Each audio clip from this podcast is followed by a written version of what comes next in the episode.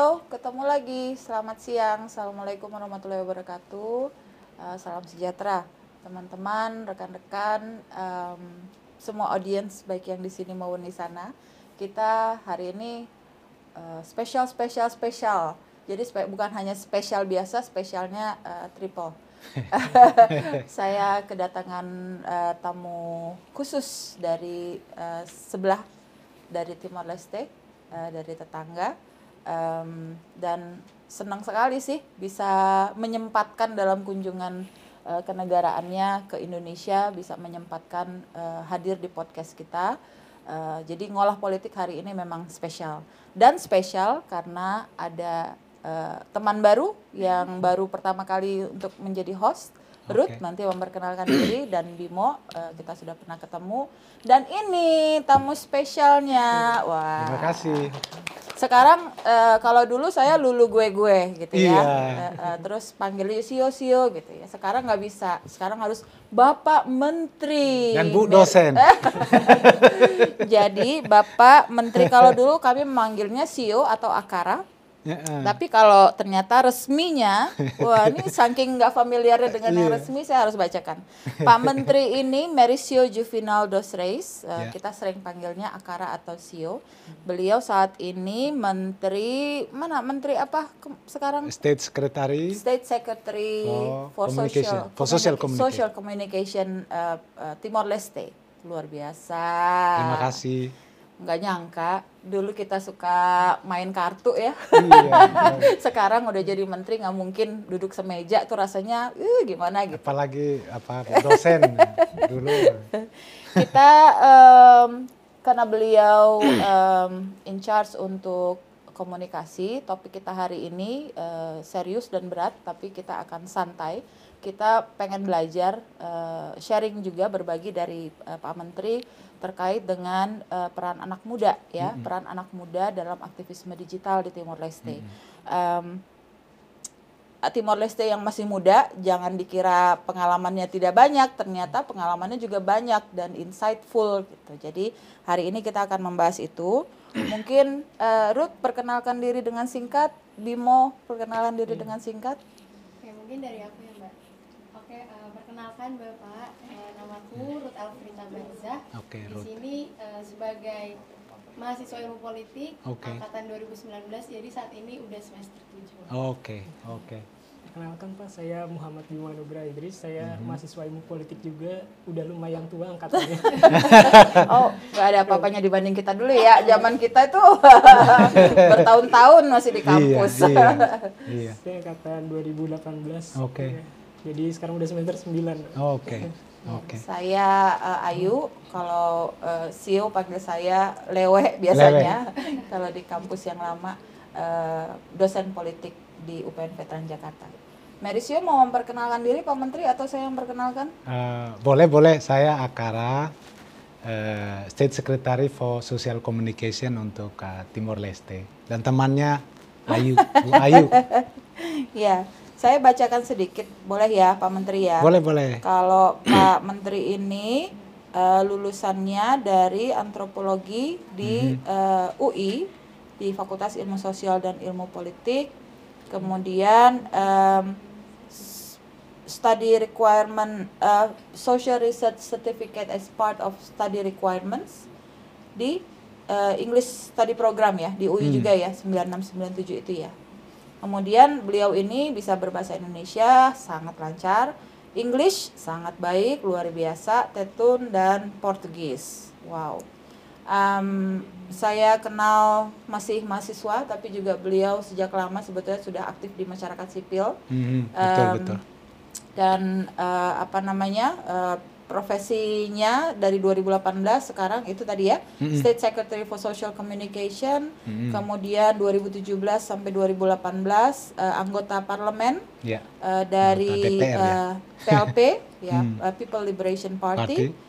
Uh, kemudian di Ombud Ombudsman Office ya kantor yeah. ombudsman yeah. dari 2015 2016 mm-hmm. di Red Cross juga pernah Siritial yeah. uh, sebagai Vice President yeah. Red Cross Transparency International Working Group co-steering 2013-2015 makanya beliau aktif banget di uh, civil society Yeah. karena itu uh, part of kehidupannya beliau. Kemudian juga National Consultative Council of Petroleum Fund Ya. KKFP Timor Leste sebagai presiden. Wow, Ya. itu sampai tahun 2016. Ya. International Board EITI. Aduh panjang banget Iya, ini. betul, betul, ya. Boleh nggak kalau nggak dibacain semua? Cukup Oh, oh, sampai situ aja. Dosen juga nih di Universitas Part-time. eh, eh, Dili. Dili. Wow. Sampai Community situ aja, cukup Organizing lah. Development. Ini loh Tahamutuk Institute. Ya, Wah, itu, itu. keren juga itu. Itu salah Kita satu yang keren. Direktur. Ya. Coba ya. Aduh. Ya, selesai. Cukup Terima ya? kasih. eh, atas saking panjang. Waktunya habis buat perkenalan. Baik, em, kita ngobrol eh, informal saja, Pak Menteri. Mhm. Jadi kita eh, ingin tahu sebetulnya kalau kita bicara soal youth dan em, digital activism di Timor Mhm. Leste. Hmm. Sebelumnya eh, mungkin saya pengen tahu dulu Mhm. eh, untuk bicara soal digital platform, Mhm. social media dan sebagainya, Mhm. boleh nggak kami diceritakan sedikit sebetulnya perkembangannya bagaimana di Timor. Leste sekarang? Jadi eh, sebelum merdeka nih ya, itu eh, pemuda, tidak hanya pemuda, hampir semua orang tergantung kepada media konvensional, Hmm. TV, radio, eh, koran, dan lain-lain. Untuk konteks Timor Leste, radio lebih populer karena murah, akses ke semua tempat, dari kota sampai eh, masyarakat akar rumput, itu eh, semua akses radio. Eh, kalau TV untuk konteks Timor Leste baru 60 persen ya yang akses karena ada apa infrastrukturnya belum sampai ke semua daerah. Nah, nah eh, setelah merdeka eh, ada budaya baru yang dibawakan oleh dunia untuk kita, untuk semua, termasuk Timor Leste itu eh, memperkenalkan media digital. Jadi platform digital eh, dikenal hampir semua kalangan masyarakat Timor Leste karena eh, jumlahnya sedikit, jumlah penduduknya masih 1,3 juta. Eh, itu tersebar eh, di sekitar 13 kalau di sini provinsi, kalau di sana municipality.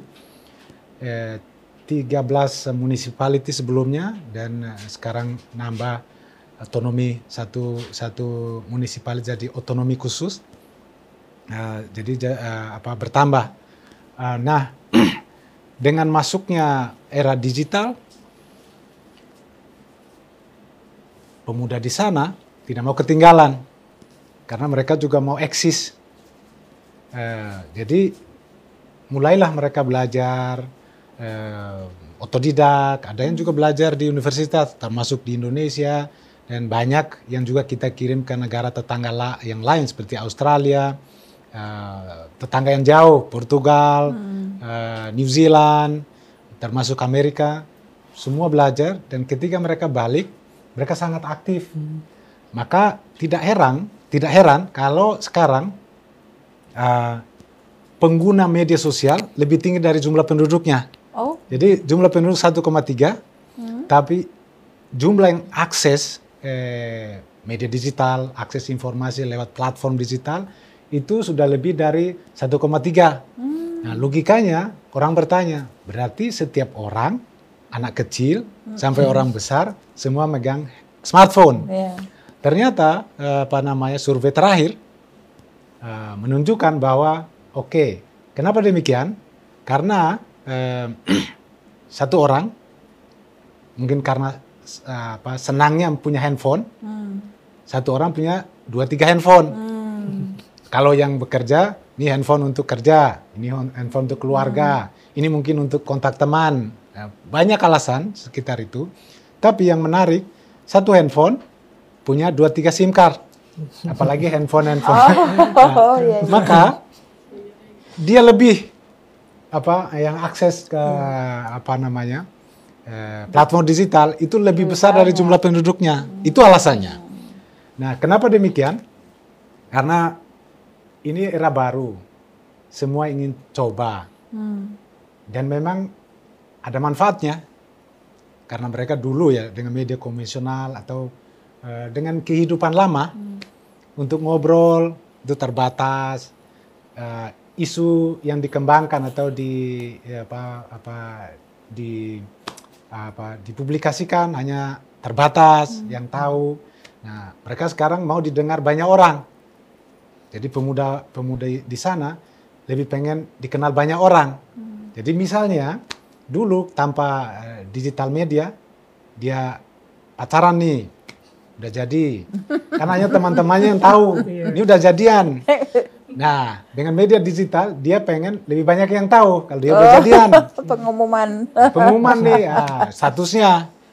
Jadi ini konteks pemuda ya. Jadi mereka mau eksis tapi nggak hanya di kalangan teman mau diketahui banyak orang. Kan senang jadian nih contohnya.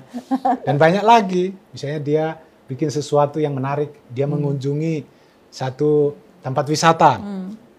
dia senang sekali kan dia nggak mau senang sendiri dia mau teman lainnya senang hmm. nih gue udah di sini hmm. kalau kalau mau ke sini juga atau kalau nggak mau ke sini gue menang hmm. gue belum ke sini gue udah di sini jadi hal-hal seperti itu kayak membuat apa namanya eh, perkembangan media digital di sana itu sangat sangat agresif hmm. uh, dan apa namanya merubah peradaban hmm. dari yang tadinya biasa-biasa aja terbatas gosip hanya antara beberapa orang sekarang gosip apa di di di, di apa disebarluaskan gosipnya dan begitu ditanggapi sama orang dia senang wah berarti gue terkenal. Hmm. Nah hal-hal seperti itu. Cuman uh, sebelum ke apa, topik lebih lanjut, saya juga mau bilang karena saya kerja untuk pemerintah, pemerintah juga kewalahan. Gimana ini infrastrukturnya? Hmm. Semua pengen. Hmm. Nah tapi ada tantangan internetnya masih lambat sekali. Terus uh, apa namanya? pulsa, hmm. harga uh, harga pulsanya tinggi. Masih mahal masih mahal. Maka pemerintah mulai pikir, nggak apa-apa, ini kita yang harus hmm. karena animo pemudanya tinggi hmm. untuk peradaban dunia, mengetahui dunia, dan mereka bisa mengakses berita apa pun, termasuk berita dari pemerintah. Kalau begitu, pemerintah kita bikin infrastruktur yang lebih canggih. Maka tahun ini pemerintah membuat keputusan untuk melakukan proyek fiber optik hmm. yang kita kerjasama dengan pemerintah Australia. Hmm. Jadi kita akan eh, apa namanya eh, submarine cable kita tarik dari Darwin. Jadi tujuannya adalah biar internet makin cepat uh, dan pulsa uh, makin murah dan kita mau standarnya di seperti di negara lain di Indonesia atau di Eropa. Makanya kita kerjasamanya dengan uh, Australia. Tujuannya apa? Hmm. Memfasilitasi semangat anak muda, kaum milenial yang untuk yang mau eksis, hmm. yang mau mempromosikan dirinya, keluarganya, uh, dan pemerintah berkepentingan kalau bisa jangan dirinya aja hmm. mempromosikan negaranya. Hmm. Uh, hal-hal positif tentang negaranya, hmm. misalnya tentang budayanya, hmm. tentang tradisinya, tentang wisata alamnya, tentang potensi ekonominya, misalnya di sana kopi, wisata kopi, uh, dan kulinernya, lain-lain. Hmm. Itu kira-kira hmm. perkembangannya. Hmm. Gimana? Terus atau silakan aja loh, jangan jangan kaku. Grogi, soalnya ketemu menteri. nah, ya, nggak apa-apa. Tapi menarik Pak. Jadi uh, Timur Leste ini membuka ruang digital publik ini yang sangat besar ya Pak untuk kepentingan iya. masyarakatnya. Betul. Untuk anak muda. Berarti apakah itu ada program khusus untuk memfokuskan uh, di apa namanya ruang digital ini supaya bisa bebas supaya bisa semuanya mengakses gitu pak betul jadi kita pemerintah apa namanya memberi apa namanya akses ke semua kita nggak mau menutup nutupi nggak mau melarang ini itu karena anak muda kalau dilarang, dia semakin mau coba. Iya, bener. Jadi kita tidak ada ide untuk melarang.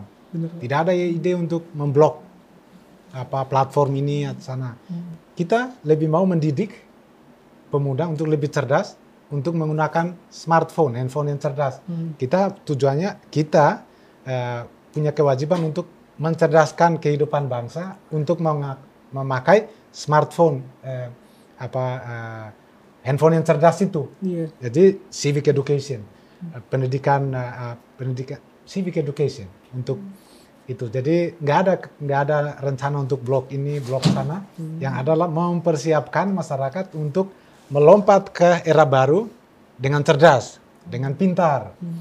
Yang kedua, uh, kita uh, pikir bahwa oke okay, platform digital akan membantu negara kecil seperti Timor Leste. Hmm. Kita punya kursus yang limited untuk kita kirim orang keluar sebagai diplomat atau atau sebagai tukang apa cerita narasi untuk keluar kan biayanya mahal. Hmm. Harus beli tiket, kirim ke Amerika untuk diplomasi, ke Europe untuk diplomasi, ke Indonesia untuk diplomasi. Hmm. Maka untuk menghemat biaya, kita memfasilitasi aja platform digital. Hmm. Kontennya yang harus konten kreator, konten yang positif tentang itu kan bagian dari diplomasi dunia. Hmm. Jadi negara kecil tapi bisa dikenal di mana-mana hmm. karena youtubernya, eh, konten kreatornya pintar-pintar. Hmm. Nah ini apa juga strategi pemerintah untuk mengurangi biaya diplomasi hmm. dengan meningkatkan apa namanya itu eh, konten kreator, hmm. influencer yang paling banyak. Tapi kembali lagi, tugas kita adalah mencerdaskan anak muda biar mengalirkan air bersih ke kalau platform kan kita hmm. bilang pipa ya banyak pipanya ada di mana-mana kita mau mas pemuda mengalirkan pipa itu dengan air bersih hmm. dengan air kotor hmm. air kotor di sini konteksnya hoax hmm. gosip hmm. black campaign itu kan nggak mendidik hmm. jadi kalau bisa kecerdasanmu pengetahuan positifmu itu yang dialirkan ke pipa-pipa hmm. biar peradaban di Timor Leste menuju ke peradaban yang yang cerdas yang berkualitas hmm. berkontribusi ke peradaban dunia hmm. nah, dan ini kita apa uh, tidak berkecil hati negara kecil tapi kalau menguasai platform digital hmm. sama iya. youtuber di US youtuber di Indonesia youtuber di Timor Leste sama. mereka bisa berkontribusi untuk peradaban dunia. Iya. Itu kira-kira uh, yang kita uh, apa namanya uh, yang kita harapkan. Menarik banget. Menarik Pak. Gimana Ruth? Berarti kalau kayak gitu Pak, uh, hmm. youtuber di Timor Leste, hmm. anak-anak mudanya, berarti sangat disupport banget ya Pak sama pemerintah. Termasuk apakah Betul. pemerintah ngebuka jalan buat datengin para youtuber Timor Leste ke kantor-kantor pemerintah biar Betul. semakin tahu nih masyarakat pemerintahan uh, Timor Leste ada loh gitu loh. Betul. Jadi ada dua program yang kita jalan jalankan ya, di, di tingkat nasional. Pertama sebelum ke itu kita melakukan ini uh, digital literacy okay. uh, eh, dan juga kampanye internet sehat. Uh, jadi ini kita masuk ke apa SMA SMA ke universitas targetnya mereka karena pengguna platform digital banyak dari mereka. Jadi literasi digital dan internet sehat adalah tadi biar mereka lebih pintar dari smartphone-nya sendiri. Mereka lebih cerdas, kreatif, menginspirasi orang, konten-konten yang mereka ciptakan harus menginspirasi biar anak muda punya rencana hidup yang lebih baik ke depan. Dan yang kedua, kita bikin tuh apa um, kompetisi youtuber nasional. Pemerintah sediakan dananya. Hmm. dan kita kompromi, oke, okay, pemerintah keluarkan dana untuk kompetisi youtuber nasional. Kontennya kita bisa diskusikan. Kepentingan pemerintah adalah konten-konten yang bisa mempromosikan sektor pariwisata. Eh, kalau konteks kemarin apa melawan COVID, kita mau ada ada konten yang apa mempromosikan vaksinasi, okay. vaksin. Dan kita mau apa gender equality. Kita mau konten kreator tentang mempromosikan gender equality. Nah, itu beberapa contoh misalnya kepentingan. Selain itu terserah konten kreatornya uh, asal dia pikir ini baik untuk dia, baik untuk keluarganya, society-nya dan negaranya. Uh, jadi kita kembalikan ke mereka. Maka youtuber yang uh, bagus kategorinya kita kasih penghargaan tidak hanya dalam bentuk kertas tapi kita uh, support dengan dana biar dia lebih kreatif kalau dia tadinya hanya bikin di Dili karena keterbatasan dana dengan dia memenangkan uh, apa itu uh, kompetisi. kompetisi, kita bilang gini, silakan mau ke seluruh desa, mau bikin apa tentang desa itu, misalnya mempromosikan uh, desa itu potensinya apa, kita biayai. Nah, ini uh, yang kita lakukan sekarang. Nah, nah. Saya punya pertanyaan. Kalau ini karena cuman Oh. jadi harus bergantian. Saya punya pertanyaan Pak Menteri. Em, tadi kan lebih banyak yang disampaikan Pak Menteri kan anak muda Ya. sebagai penyampai, penutur lewat Betul. eh, pipa-pipa Ya, sosial media. Tapi kalau kita bicara soal anak muda sebagai agen perubahan, perubahan. itu ad- terjadi tidak di sana? Artinya gini, pertama mungkin ya konsekuensi dari pertanyaan itu pertama eh, apakah ada eh, anak-anak muda yang eh, punya peran agen perubahan? Mm-mm. Yang kedua, apakah pemerintah sendiri mendukung perubahan? Hmm. Betul, Biasanya sih betul. kalau pemerintah itu status quo ya. Eh, Tapi nggak tahu deh kalau pemerintah yang ini. Ya, ya, ya, ya. Gimana Pak? Nah, betul. Eh, ini tidak bisa dihindari bahwa satu generasi punya suatu kebiasaan Hmm. yang tidak sama dengan generasi berikutnya. Apalagi apa namanya eh, alat yang diguna- digunakan beda. Dulu Caranya generasi beda ya? caranya beda. Dulu kita demo nih, Turun. kita demonstrasi turun. DPR. DPR nih. Sampai Untuk perubahan, turun. Soeharto turun. Masa muda. Yang muda kan. Itu alatnya, itu nih. Sekarang untuk perubahan tidak harus karena dia duduk, dia bikin konten yang yang apa namanya inspiratif, Menarik bisa ya. merubah mindset orang. Itu perubahan. Dan, jadi sekarang di sana lebih seperti itu. Eh, kalau mereka protes pemerintah lewat konten-konten itu, YouTube, Instagram, Facebook nomor satu ya Eh, untuk para pengguna di Timor Leste Facebook nomor satu itu pemerintah dikepung itu Eh, makin banyak karena di mana-mana. Oke ini pemerintah, Pemerintah juga satu. dimarahin. Dimarahin dengan tapi lewat lewat Kirain. media sosial, jadi nggak turun ke jalan. Tapi, nah terserah eh, kita beri kebebasan. Makanya di sana kadang-kadang ada pemuda yang bikin konten yang lebih kasar, misalnya sampai memaki. Ini Itu apa? nggak panas kupingnya pemerintah. Tapi kita, Atau kalau di sini ada UU ITE, Undang-Undang ITE. nah itu bedanya, bedanya. Kalau di sana ada. Di sana kita terima, kita bilang teman yang baik adalah teman yang selalu mengingatkan. Itu konsep perdana menteri kita. Dia bilang ke semua anggota kabinet, jangan sampai ada yang marah kalau dikritik. Wah, Apalagi keren. dikritik dengan oleh anak muda. Karena dulu kita anak muda, Kita ngeritik. kita ngeritik dan kita perubahan dan duduk sekarang. Sekarang kita harus beri kesempatan generasi berikut untuk kritik kita karena masa depan mereka ditentukan oleh mereka. Jadi ini karena perdana menterinya walaupun dia mantan gerilyawan jenderal, tapi dia punya pikiran yang up to date. Dia eh, apa milenial nih. Jadi jangan sampai ada yang marah. Kalau kamu nggak suka, kamu tutup aja apa handphonemu. Nggak baca kalau kamu nggak suka. Tapi kalau kamu tetap buka, orang kritik, kamu harus terima. Ya makanya di sana nggak ada yang apa nama di apa, di- Dituntut. dituntut Atau bawa ke pengadilan. Biarin aja.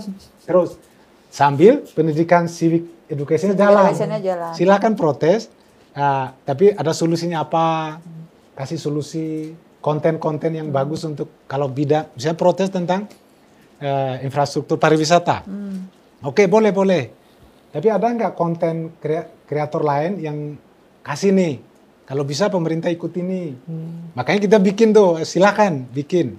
Nah ini eh, sejauh ini kita sangat demokratis eh, untuk itu. Eh, Oke, perubahan Eh, peran anak muda. Eh, ini saya bila bisa mengatakan yang duduk di pemerintahan sekarang itu 80% anak muda. Jadi perdana menterinya aja yang senior, yang lainnya anak muda. Mudah-mudah ya. Karena eh, itu tadi anak muda tahu banyak hmm. udah ke mana-mana. Hmm. Dan untuk membangun negara di era milenial, mereka yang paling tahu hmm. apa yang mau dibangun nih. Hmm. Kalian mau apa lima tahun ke depan? Kalian yang akan hidup untuk 10 tahun ke depan. Jadi kalian harus dilibatkan dalam pembangunan.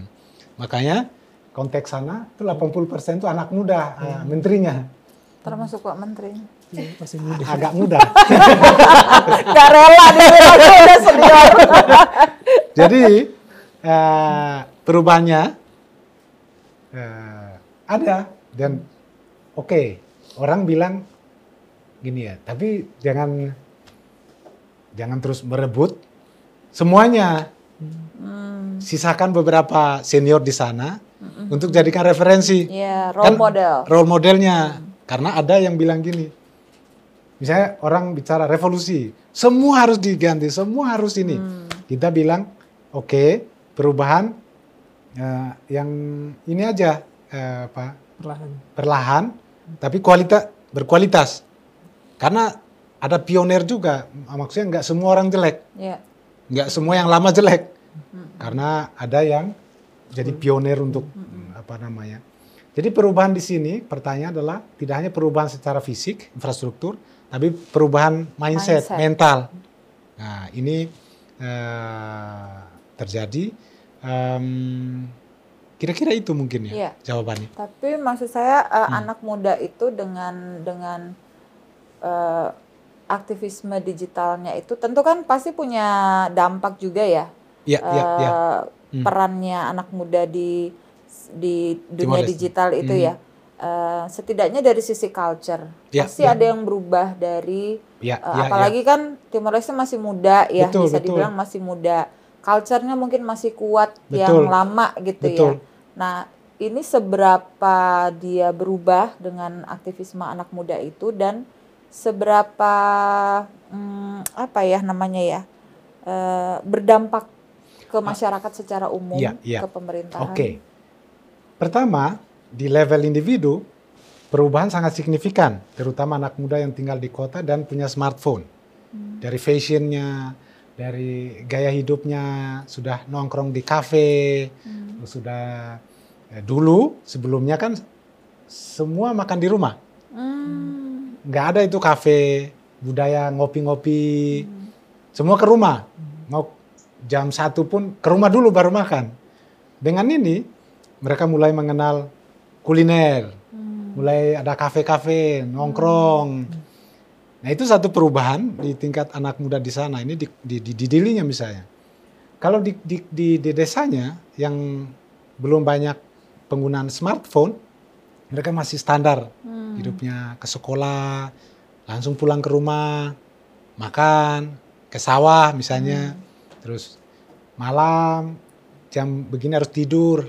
Hmm. Nah, karena misalnya listrik belum hmm. sampai. Kalau di kota enggak, mereka bisa nongkrong sampai tengah malam, kehidupan hmm. malam sudah mulai ada dan mereka mengikuti perkembangan dunia lewat platform itu. Jadi hmm. transformasi digital di sana itu eh, termasuk cepat karena penduduknya sedikit. Hmm. Nah, mereka jadi promotor juga perubahan gaya hidup, perubahan pelayanan publik termasuk pemerintah. Hmm Contoh, bidang informasi. Kita dulu agak konservatif nih. Oke, TVRI-nya sana. Kalau di sana RTTL, di sini TVRI. Kita ke sana, kita kasih berita, ya, pokoknya standar lah. Kita panggil koran, nulis, cetak, besok. Ternyata eh, tidak cocok lagi. Eh, karena kita biaya ini media-media TV di sana jam 7 anak-anak muda belum ke rumah karena kita targetnya 7 berita nasional. Hmm. kita berharap pemerintah berharap semua ikut berita nasional. Hmm. Ternyata jam 7 malam yang ada ibu bapak yang udah tua-tua. Anak mudanya nggak belum ke rumah jam 7 itu. Masih Mereka masih. Nah, ini berarti kita harus merubah kebijakan kita untuk apa uh, menyebarkan hmm. apa namanya? informasi. informasi maka kita gini, sekarang TV online. Kita bikin eh, apa namanya? Eh, media press dengan media online. Eh, dan semuanya kita apa pakai platform online. Dan TV kita bilang apa live streaming, radio radio streaming. Karena jam 7 orang nggak pulang, mereka masih nongkrong di pantai. Itu perubahan eh, apa namanya pelayanan publiknya. Misalnya ini di apa uh, informasinya. Hmm. Dan ini di sektor lain juga hmm. seperti itu. Hmm, hmm. Jadi banyak dampak ke dampak mana-mana ya? Ke mana-mana, termasuk ke pelayanan publiknya. Ke pelayanan publik, jadi ya. lebih responsif. Lebih responsif. Satu lagi, misalnya nih ada jalan rusak, tiba-tiba ini oh, ada di oh, sana. Terus, di ini. terus mereka video, terus mereka viralkan. terus Menteri PU-nya 24 jam bangun. Maksudnya dia udah tengah malam bangun karena dikirimin terus itu. Video itu. Kan viral. Nih nih nih. Akhirnya menterinya ditelepon. Ini ada jalan rusak di daerah ini ini habis hujan banjir di sini hmm. jadi dengan itu kita responsif hmm. menterinya bangun malam datang harus karena ini jalan putus hmm. kalau nggak ngomong terus itu di media itu nih nih itu perubahan yang positif. Positif ya. Positif dari sisi untuk itu ya. pemerintah. Karena kadang-kadang gini, kalau zaman dulu sebelumnya kan gini, nunggu dulu anak buahnya laporan. Ya. Silahkan ke sana. Dan laporannya bagus-bagus. Bagus, bagus. Ada jalan rusak. Oke, nih gimana ini? Dah dilihat dulu. Udah kalau gitu uh, ajukan anggaran nih. Nah kalau ini enggak, misalnya dulu ya, seminggu kemudian baru sampai ke telinga Pak Menteri. Hmm. Kalau sekarang Langsung. dengan YouTube Menterinya juga punya punya YouTube, ya, Facebook, Instagram. Dia baca sendiri. Hmm. Jadi dia perintah itu anak buahnya sekarang juga turun hmm. ke lapangan. Jadi terbalik apa hmm. ininya dari dari dinamika pelayanannya terbalik. Dulu kita nunggu laporan dari yeah. bawahan. Hmm. Sekarang menteri dapat laporan dapat dari laporan masyarakat, dulu. perintah itu bawahan. Lebih itu kira-kira ya. Tapi tidak ya, mengganggu birokrasi malah enggak. Kita di sana konsepnya gini. Birokrasi itu kan untuk mempermudah pelayanan publik. Tujuan kita itu kita mau melayani masyarakat itu. Kenapa birokrasi bikin saya jauh dari apa target saya? Makanya di sana kita mau birokrasi yang seefisien mungkin. Dan Perdana Menteri kami mulai pikir nih, kalau bisa menteri tidak boleh ada lagi direktur-direktur Langsung aja ke kepala sekolahnya. Biar potong itu, apa namanya, birokrasi. Hmm. Ke di, direktur jenderal dulu, ke direktur dulu, hmm. terus ke kepala sekolah. Hmm. Lalu, kapan menyelesaikan masalah? Hmm. Nah, ini lagi ada ada ada konsep. Tidak perlu itu ada direktur, ada ini, adalah staf ahli. Langsung aja konek ke kepala sekolahnya, apa masalah dia. Oh, ini masalah kurikulum. Tim ahlinya bikin Dah bikin keputusan. Belum diimplementasi tapi ada pikiran karena kita mau shortcut.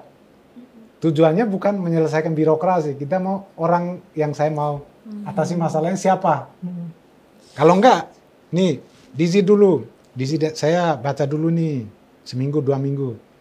Disposisi ke direktur, hmm. baca dulu Sebulan. ke tim teknis. Lama. Jadi makanya era digital saya pikir birokrasi harus didigitalisasi. Hmm. Hmm. Ini uh, apa, konsep kita ya. Hmm.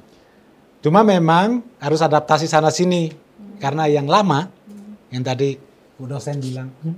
apa yang orang yang sudah terbiasa, sudah mapan, hmm. dia nggak mau privilege-nya iya, diganggu. Status quo. Status quo itu terjadi hmm. karena ini kita harus terbuka juga bahwa pegawai negeri hmm sama di mana-mana.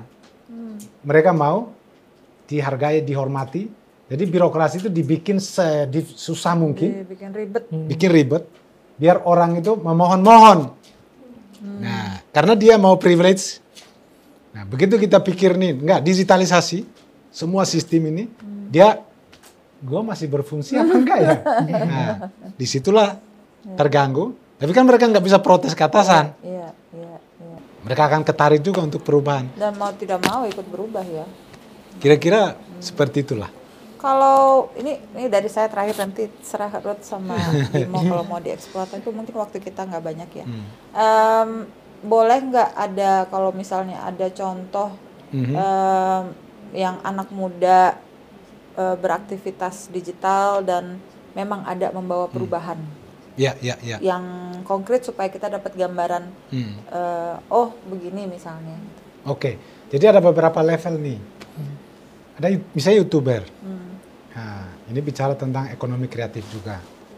Dia sudah jadikan itu sebagai eh, apa lapangan kerja dia. Hmm. Dia semakin banyak mempromosikan ini subscribernya eh, makin banyak. Dia dapat income. Jadi menciptakan Lapangan lapangan kerja sendiri. Eh, terus dia apa namanya? Jadi fotografer yang yang yang bagus. Jadi apa misalnya turis datang, dia menawarkan menawarkan jasanya nih. Oke. Saya bisa tidak hanya tour guide, tapi saya mendokumentasikan perjalanan. Nih. Dia dapat income. Jadi dalam konteks ini dia menciptakan, mulai menciptakan lapangan kerja sendiri dengan kreativitas, jadi konten kreator dan pemerintah tadi dengan mensupport apa hasil mereka, maka pendapatannya tidak hanya terkenal, tapi ada ekonomi apa pendapatan ekonomi Nah, di situ.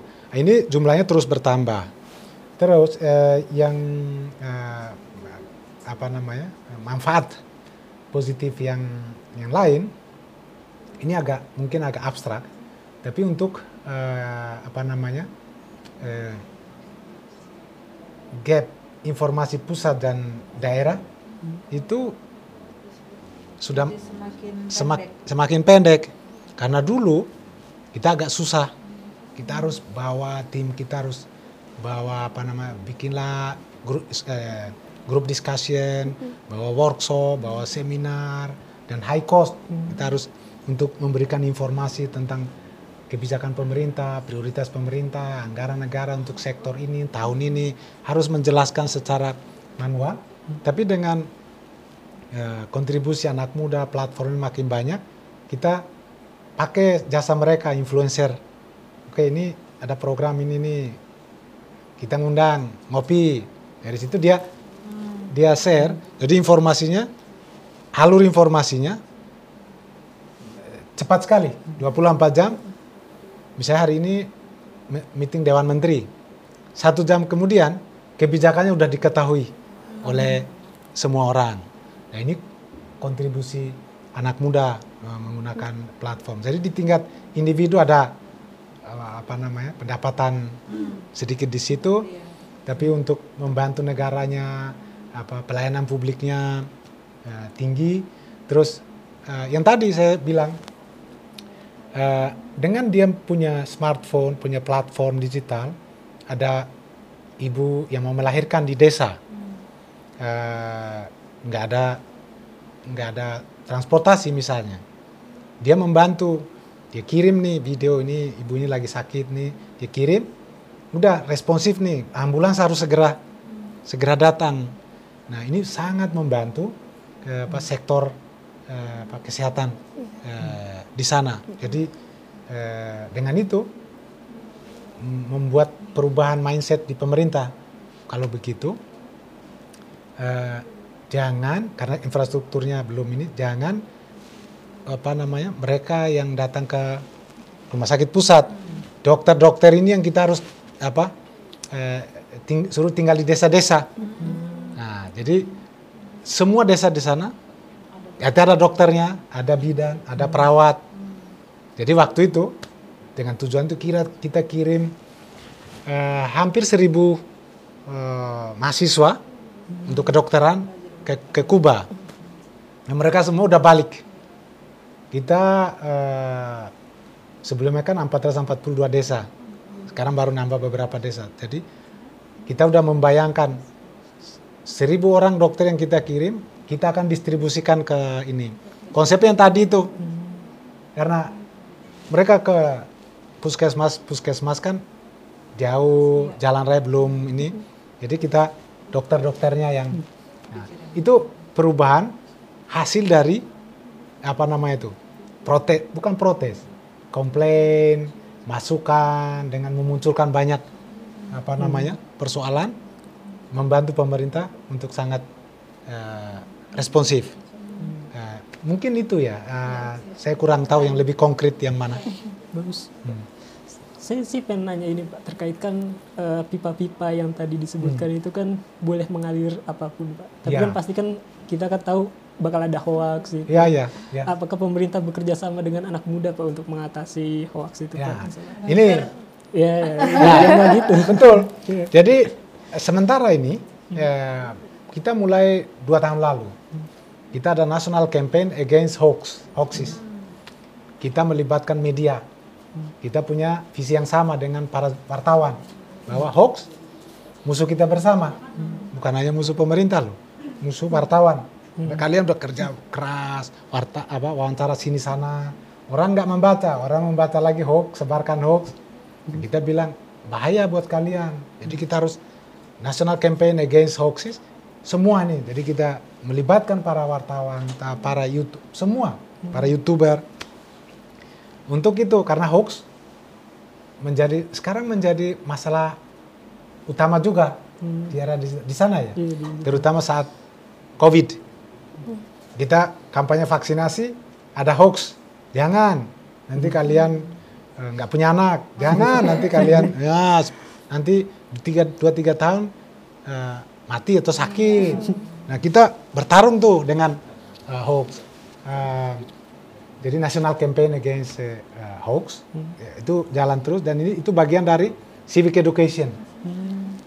Ada pikiran untuk undang-undang. Hmm. Uh, kita mulai pikir harus sekarang atau nanti Uh, tapi positif negatifnya belajar dari Indonesia, belajar dari negara tentang misalnya di sini IT. Hmm. Ada perdebatan enggak ini tentang undang-undang IT? Yeah. Kalau perdebatannya sangat ini, jangan dulu yeah. kita apa positifnya.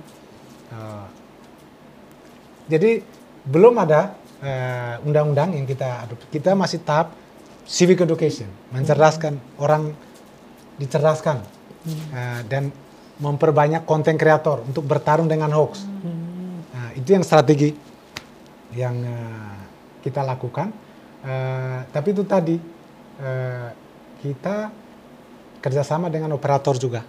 Jadi di sana ada Telkomsel, operator Telkomsel di sana juga. Hmm.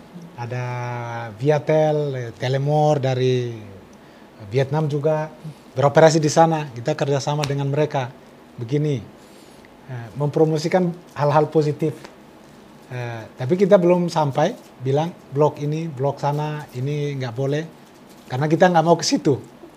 Uh, jadi kita coba memanage ya apa risk risk uh, manajemennya yang kita kita resiko, resiko manajemennya yang kita ini. Hmm. Ada lagi? Uh, mungkin Tadi Bapak sempat uh, singgung tentang operator Telkomsel ternyata yeah. di Timor Leste. Iya, Jadi salah kalau satu di investor Timor, itu. Oh, terbesar yeah, juga. Investor ya.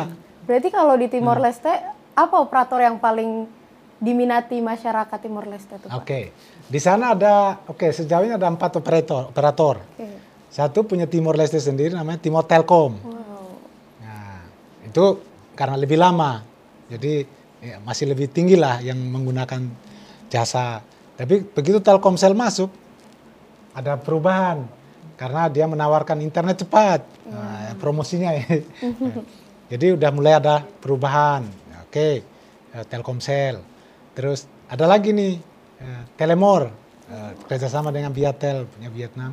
Mereka bilang kalau dengan Telemor Viatel semua area remote bisa akses mereka tinggal di area remote lebih banyak itu. Hmm. mereka jadi banyak banyak uh, pilihan. Tapi itu salah satu investasi dari Indonesia hmm. yang cukup dikenal itu tel Telkomsel dan banyak lagi investasi di Indonesia uh, di sana mulai skala kecil hmm. sampai besar. Misalnya ada BUMN dari Indonesia uh, eh, PP itu kepanjangannya saya lupa tapi mereka megang proyek besar-besar di sana, termasuk bikin bandar udara baru di di sana itu Wika nah, dan satu lagi Wijaya Kari atau mana? Wika. Wika. Nah, itu megang proyek hmm. apa eh, bandar udara Jadi ini nih pipanya dengan terbuka, investor makin banyak yang datang. Nah, Timor Leste oke. Begitu. Saya sudah dipanggil-panggil oleh ibu bos di sebelah sana. Dan teman-teman sepertinya. Jadi ini memang Pak Menteri em, menghampiri kita, menghampiri, mampir ke kita, tapi juga sebetulnya di tempat lain beliau juga eh, dengan Menteri Fidelis, Ya. Menteri satunya eh, sedang juga melaunching program studi Oh, baru di FISIP UPN Veteran Jakarta, termasuk program studi S2 Ilmu Politik. Jadi ada empat eh, program S2 Ilmu Politik, Ilmu HI, Hubungan Internasional, Ilmu Komunikasi, dan satu lagi S1 Sains Informasi. Jadi ini sekalian promosi ke teman-teman sekalian. Eh, beliau juga dalam rangka meluncurkan itu. Tapi senang sekali sih bisa datang ke Nanti saya mempromosikan juga ke Timor Leste Oh, ya. iya. Apakah ada mahasiswa dari Iya, sana iya. yang Kalau- mau kuliah di sini? Iya, kalau bisa malah kita podcastnya dari sana ya. Iya. Ngarep.